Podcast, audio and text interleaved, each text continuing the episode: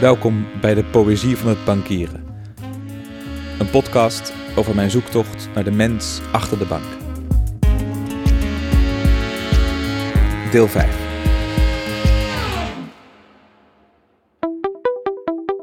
Wiebe Draaier, CEO van de Rabobank. Out of the night that covers me, black as the pit from pole to pole, I thank whatever gods may be for my unconquerable soul. Het gedicht van uh, William Henley. En dat is een gedicht wat uh, Nelson Mandela uh, aan zichzelf uh, vertelde op zijn zwartste momenten in, op Robben Island. In the fell clutch of circumstance, I have not winced or cried aloud. Under the bludgeonings of chance, my head is bloody, but unbowed. Het gedicht beschrijft eigenlijk uh, iemand die, uh, die uh, zwaar belaagd is met onrecht en, en die tegengewerkt wordt, die pijn heeft meegemaakt, heeft, ge, heeft moeten lijden. en, en desondanks zegt hij: Je kan alles met me doen, maar ik hou uiteindelijk de, de, de kracht en het, de, de eigenaarschap van mijn ziel en mijn, mijn persoonlijkheid. en dat krijg je niet kapot. Beyond this place of wrath and tears looms but the horror of the shade, and yet the menace of the years finds and shall find me unafraid. Uh, ik vond het verhaal van Nelson Mandela aandoenlijk herkenbaar. En ik wil verre van pretenderen dat ik maar in de verste verte uh, op de man lijk, want hij is een, voor mij een god uh, en, een, en een heel bijzondere leider. Maar het boek wat hij geschreven heeft over, over The Long Walk to Freedom, waarin hij zijn eigen verhaal in zijn eigen woorden opschrijft, daar zie je wat voor mens. Het is, gewoon, het is een heel gewoon mens die, die continue worstelingen heeft om te leren. En hij maakt fouten en hij reflecteert op die fouten en gaat door en wordt beter. Ja, ik was erg onder indruk van het boek. It matters not how straight the gate, how charged with punishments the scroll. I am the master of my fate. I am the captain of my soul. Ja, dat is heel mooi, vind ik.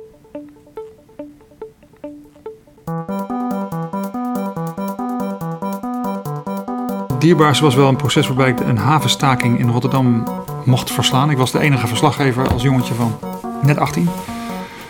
Uh, en ik, kon, naar alle belangrijke events in dat uh, havenconflict. En ik kreeg ook uh, allerlei geheime uh, informatie toegespeeld via een, een, een, onbekend kanaal. Dat hele proces van die informatie krijgen, dat dan weer samenvatten en naar, naar buiten brengen, tot de essentie terugbrengen. Die hele episode was eigenlijk de highlight van mijn ervaring.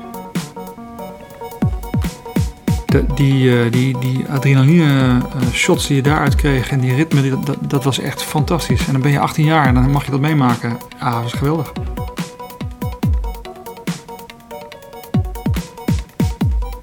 En ik ondervond tegelijkertijd de last van iedere dag weer dat verhaal moeten schrijven. En het duurde steeds langer. En op een bepaald moment werd het iedere nacht drie uur s'nachts voordat het verhaal klaar was. Het werd minder en het werd meer worsteling om het te krijgen. En ik heb gewoon een heel rationele keuze gemaakt van ja joh, dit...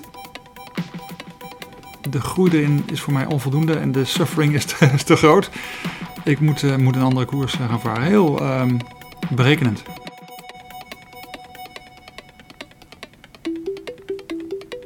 Ik was voorzitter van de SER en deed dat twee jaar. Was echt nog hard bezig.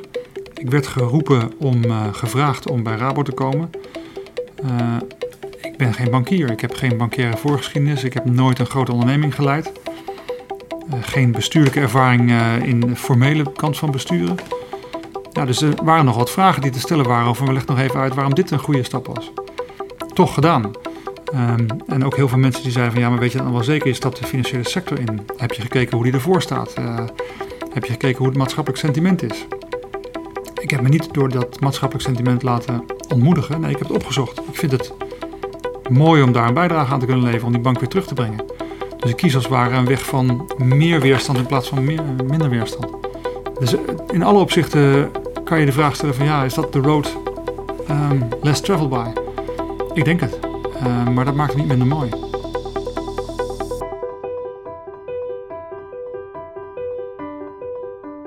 Als ik een droomwereld heb, dan zou dat een wereld zijn waarbij ieder eh, kind wat hier geboren wordt, de kans krijgt om datgene wat in dat lijf en in dat hoofd zit, om dat maximaal te ontwikkelen en te laten bereiken.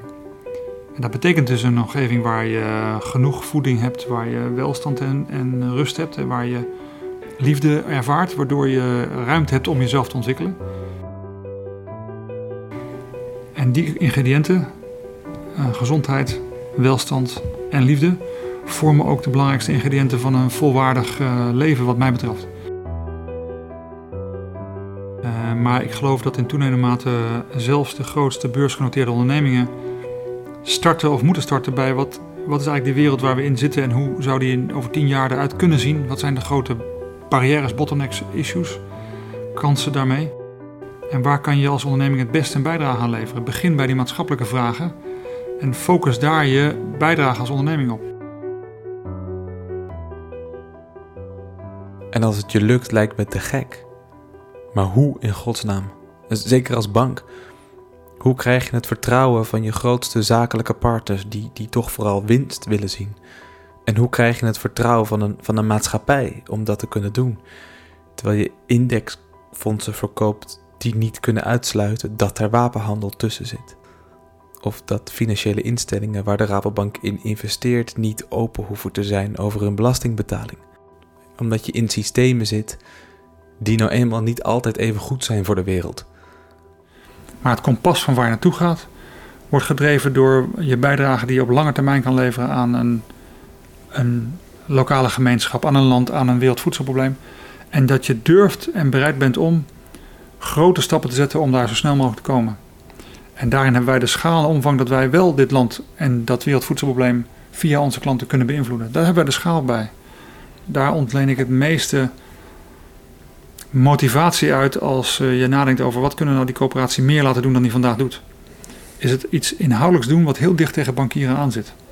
Maar wel de vraag van morgen helpt vormgeven in plaats van alleen maar van vandaag. There's work to do. Ja, heel veel. Heel veel. we zijn nog even bezig. Ja. Dankjewel, Wiebe.